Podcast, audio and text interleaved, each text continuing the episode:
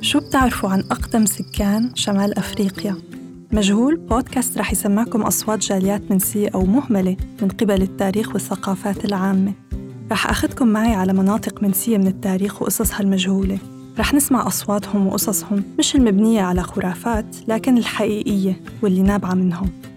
أنا ليلى العوف وعم تستمعوا لبودكاست مجهول.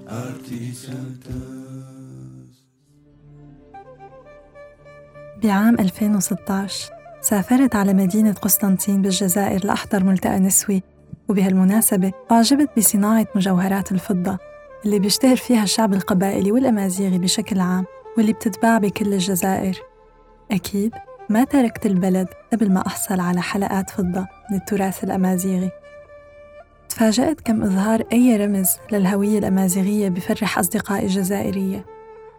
حلق الفضة اللي بالنسبة إلي ذكرى من أيام حلوة قضيتها بمدينة الجسور المعلقة ينظر لها كرمز للحفاظ على هوية لأنه الشيء الوحيد اللي بيخلي شعب على قيد الحياة هو الفن واللغة والثقافة وصناعة المجوهرات واللباس التقليدي مثل الغناء أو الرقص هو فن.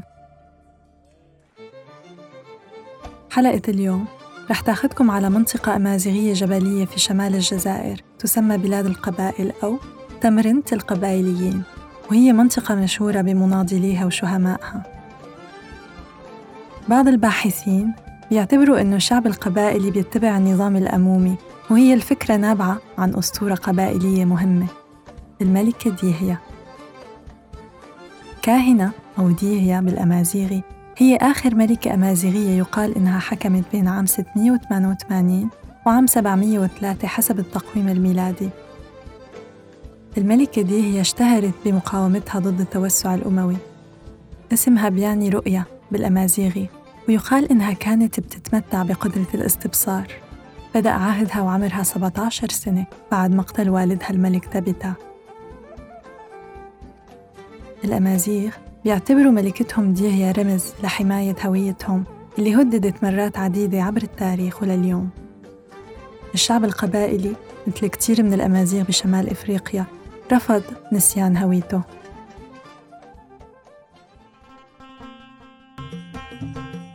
والله أنا لا أحبذ كثيرا كلمة جاليات لأنه يعني هم هم سكان أصليين للجزائر. بهالجملة بدأ حواري مع أمل صحفية جزائرية أمازيغية وناشطة اجتماعية كبرت بجزائر العاصمة لكن أصلها من مدينة تيزي ووزو ثاني أهم مدينة قبائلية أثبتت شجاعتها ضد الاستعمار الفرنسي. أنا من أصول الأمازيغية من منطقة القبائل بالتحديد من مدينة تيزي وزو لكن كبرت وقريت واشتغلت في الجزائر العاصمة. لهذا عندي مزيج من الثقافة القبائلية العاصمية. في البيت العائلي مع الجد والجدة والوالدين كنا نتكلموا باللغة الأمازيغية ولا اللهجة القبائلية في المنزل. وأكيد تلقين أساسيات الثقافة الأمازيغية كان بطبيعة الحال المركز ديالو في البيت. لهذا كان شيء طبيعي جدا أنه نتكلم باللغة الأمازيغية ونكبر بتلك الثقافة وأيضا نروج لها مع الأصدقاء لأنه كبرت في بيئة لا, يت... لا, ت... لا يتكلمون فيها اللغة الأمازيغية كانوا يعني نتكلموا الدارجة الجزائرية ولا اللغة العربية. فبهذا منذ منذ صغري يعني وأنا نروج بطريقتي للثقافة الأمازيغية. مثل ما بسأل كل ضيوفي حبيت أفهم من أمل كيف وضع الأمازيغ بمنطقتها. كانت نظرة آه، المجتمع هي نظرة غريبة للمكون الأمازيغي. بحكم التعريب والتهميش الذي لقته هذه الثقافة في أواخر الستينيات والسبعينيات وعدم السماح لذلك المكون اللي هو مكون أساسي من الهوية الوطنية بأن يدرس وأن وأن يروج له في وسائل الإعلام في المدارس في الجامعات. لكن بنضال العديد من من الكتاب من المثقفين من المفكرين أصبحت اللغة الأمازيغية لغة رسمية مدسترة في الدستور الجزائري. وأيضا آه، ليس هناك نقاش على هذا هذا المكون. في ملاحظة مهمة جدا لازم أحكي لكم عنها. الجزائر هي الدولة الإفريقية الوحيدة اللي بتعترف بأصلها وهويتها الأمازيغية نتيجة إصرار ونشاط أمازيغ الجزائر. والتصالح أبعد من ذلك لأنه إحنا البلد الوحيد في شمال إفريقيا الذي أيضا رسم يوم يناير اليوم يوم الاحتفال بالسنة الأمازيغية كعيد وطني وكعطلة مدفوعة الأجر. هذا يعني أنه اليوم الجزائريين ما عندهم حتى ما عندهم حتى مشكل مع هذا المكون من من مكونات الهوية الوطنية اللي هي الأمازيغية. يناير. أو رأس السنة الأمازيغية هو عيد أمازيغي وطني بالجزائر. بعام 1980 الناشط والمفكر الأمازيغي الجزائري عمار نجادي أسس تقويم أمازيغي وقرر يثبت اليوم الأول للسنة الأمازيغية بيناير 12 وهو يوم اعتلاء عرش الفرعون شيشنق في مصر القديمة. بحسب المفكر عمار الشاوي شيشنق كان فرعون من أصول ليبية أمازيغية وهو أول فرعون من السلالة الثانية والعشرين. المؤرخين بيعترفوا فعلا بحكم الليبيين الأمازيغ بمصر القديمة وسموها الفترة الليبية.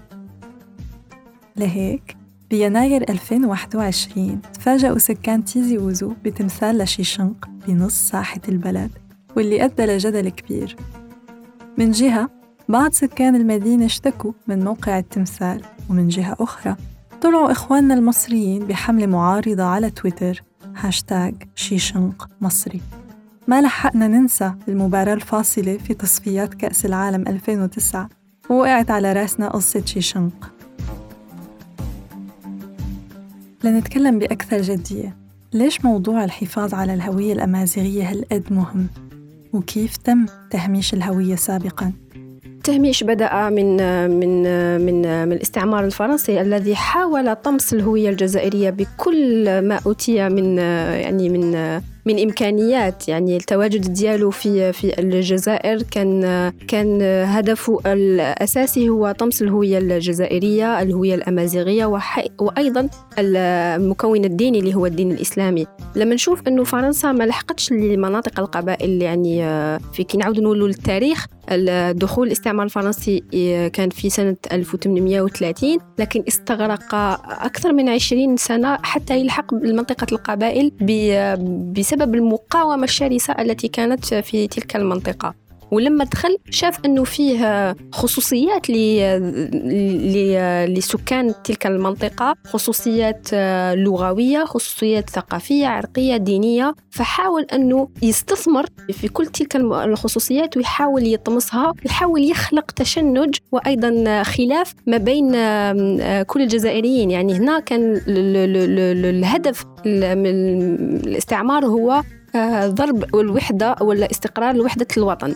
بعد الاستقلال أكيد ما كانش فيه إرادة سياسية آه تبعت لأنه الخلاف بدا قبل قبل الاستقلال. لكن بعد الاستقلال ما كانش فيه إرادة سياسية احتوت ذلك النزاع. فالنزاع تولد منه اختلاف وقعد عدة سنوات. لكن في أواخر سنوات التسعينيات والألفينات كما قلت لك بعد تراكم النضالي أصبح المكون الأمازيغي يعني لا, لا جدال عليه.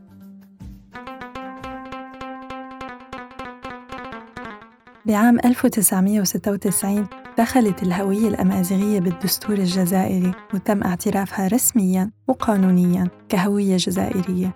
بس قبل التطبيع كان الوضع مختلف جداً. لما نتحدث على التهميش يعني تهميش ثقافي لما نقول إنه ما كان فيه تعليم للغة الأمازيغية ما كان فيه اعتراف للغة الأمازيغية. آه العديد من المفكرين منعوا من آه من تنشيط ندوات آه للتحدث عن عن الثقافة الأمازيغية. لم يكن آه، في تواجد آه، لأي مكون من من الثقافة هذه في وسائل الإعلام.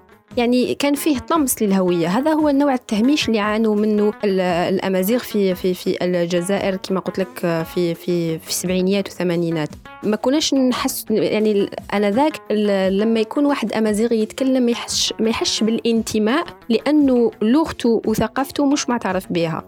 هذا هو نوع التهميش اللي كان عاشوه الأمازيغ ككل لأنه لما نتحدث عن الأمازيغ ما ننساوش انه الأمازيغ في الجزائر ينقسمون إلى إلى قبائل إلى شاوية إلى شنوه إلى توارق يعني آه، كل هذه اللهجات تكون المكون آه، أو اللغة الأمازيغية. لحد ما أمازيغ الجزائر قرروا يحطوا حد لهالتهميش وانطلق ما يسمى ربيع البربر. في سنة 1980 لما المفكر الأمازيغي مولود معمري الذي عمل جاهدا على ترقية الثقافة الأمازيغية وحتى طرح كتابة خاصة بالثقافة الأمازيغية اللغة عفوا اللغة الأمازيغية بالحرف اللاتيني اللي هو مولود معمري وأصبحت تسمى تلك الكتابة ثام عمريث.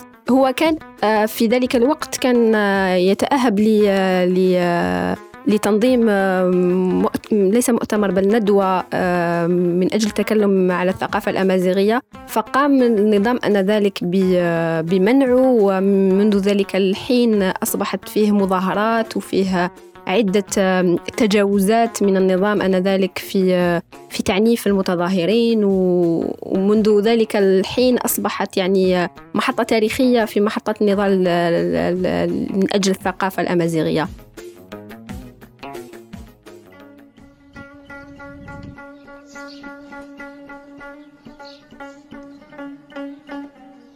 بس الربيع الأمازيغي التحق بربيع أسود بعام 2001 تم اغتيال أزيد من 128 متظاهر آه، نجم عن ذلك يعني آه، تشنج كبير ما بين ما بين الطبقة السياسية والمواطنين مواطنين سكان منطقة القبائل. لكن بعدها بعدها مباشرة احتوى النظام تلك المسألة وأصبحت فيه تشاورات وتمثيل من قبل المناضلين والنظام الرئيس الراحل السابق عبد العزيز بوتفليقة. وين كان آه، الاعتراف باللغة الأمازيغية لغة رسمية مسجلة في الدستور آه، إنشاء أيضا مفوضية سامية للغة الأمازيغية التي تعمل على ترقية وكتابة اللغة الأمازيغية. مع كل الحملات التوعية اللي أدت لاعتراف الهوية الأمازيغية في الجزائر في فئة من الجزائريين بيرفضوا للآن الهوية الأمازيغية. وهذا شيء طبيعي أنا نشوفه بما بحكم التراكمات التي عرفتها شمال إفريقيا من حقبات استعمارية منذ منذ الوندال والرومان والبيزنطيين والرومان والأتراك والعرب. ذلك الخليط خلينا نقول ذلك التراكمات وذلك الحقبات آه، خلقت من من سكان شمال إفريقيا آه، تمازج ثقافي. آه، اليوم إذا شخص يعني لا يعترف باللغة الأمازيغية وثقافتها أظن أنه هذا ضرب للتاريخ لأنه لما نعاود نقول التاريخ التاريخ يعني يحمي أمازيغية شمال إفريقيا. لكن أكيد فيه أشخاص جاءوا مع الفتوحات الإسلامية أشخاص جاءوا مع آه، الاستعمار الاستعمارات يعني الفرنسية والإسبانية والبرتغالية التي عرفتها المنطقة أوكي يعني آه، ما تعترفش هذا مش مشكل لكن يفرض الاحترام لهذا المكون. أنا لما نتكلم على اللغة الأمازيغية ولا الثقافة الأمازيغية يعني لا أجبر أي فرد ولا أي شخص أنه يعترف لكن أجبره على الاحترام.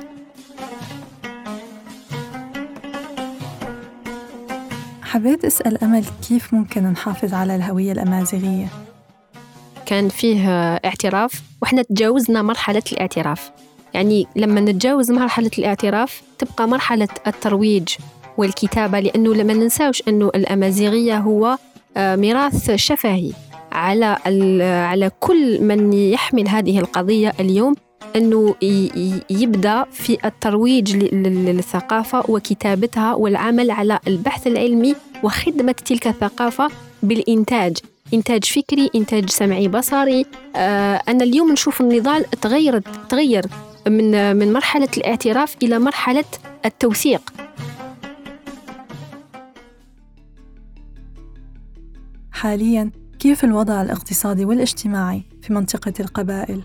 والله يعني الحال المداشر بحكم خروج الشباب للعمل والهجرة يخلي آه، في مستوى معيشي مريح خلينا نقول مريح لكن تبقى فيه مناطق آه، لا زالت تعاني من آه، عدم توفر الغاز توفر الكهرباء وهذا لا يقتصر فقط على المناطق الأمازيغية لأنه في مناطق نائية في كل في كل الولايات.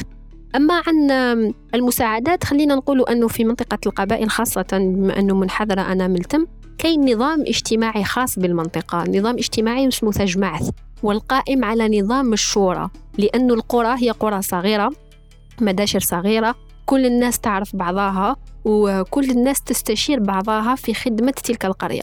آه، طريقة العيش في في في قرى منطقة القبائل هي طريقة خاصة وهذا شفناه يعني هذا ما تجلى أيضا في في جائحة كورونا. لما السكان يعني عملوا يعني آه، آه، مبادرات يعني رائعة في التصدي لذلك الوباء بغلق القرى بفرض فرض قوانين داخلية فرض غرامات لمن لا يحترم القوانين وهذا النظام قائم منذ آه، منذ الاستعمار. يعني قبل الاستعمار كانت مداشر منطقة القبائل تعيش في آه، في فيما بينها بالتشاور باحترام القوانين بسن القوانين أيضا. تجمعت. هي أقدم الأنظمة الديمقراطية في التاريخ وهدفها تنظيم الحياة الاقتصادية والقانونية والاجتماعية وممكن يشارك فيها فقط الرجل اللي وصل لسن الرشد. بمعظم الدول المتوسطية منلاحظ أنظمة شعبية قريبة جدا لتجمعة الأمازيغية.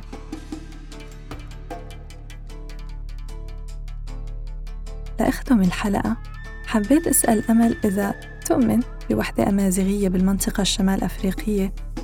والجواب هو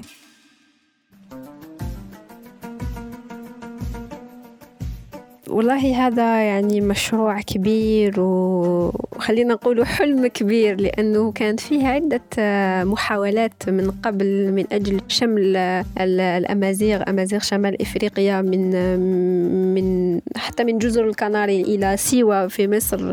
يعني آه، فيه عوامل مشتركة فيه تاريخ موحد فيه لغة أيضا تجمع تجمع سكان شمال إفريقيا. لكن إن لم تتبع بإرادة سياسية فهذا يبقى حبرنا. يعني يبقى يعني مجرد مجرد فكرة. آه اليوم العمل الشبكي والعمل المشترك آه لابد منه من أجل ترقية الثقافة الأمازيغية. كما كنت نقول لك يجب الابتعاد عن المطالبة بالاعتراف والذهاب إلى مرحلة أخرى اللي هي خدمة هذه الثقافة.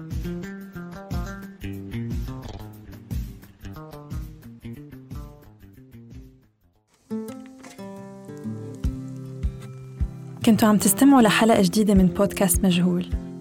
كتابة وتقديم ليلى العوف. تصميم صوتي جو الحاج ومحمد عبد الجليل علي. الهوية البصرية مديحة طه. بإمكانكم تتابعونا على إنستغرام فيسبوك أو تويتر أو على أخبار الآن دوت نت. راديو الآن قصصكم مسموعة.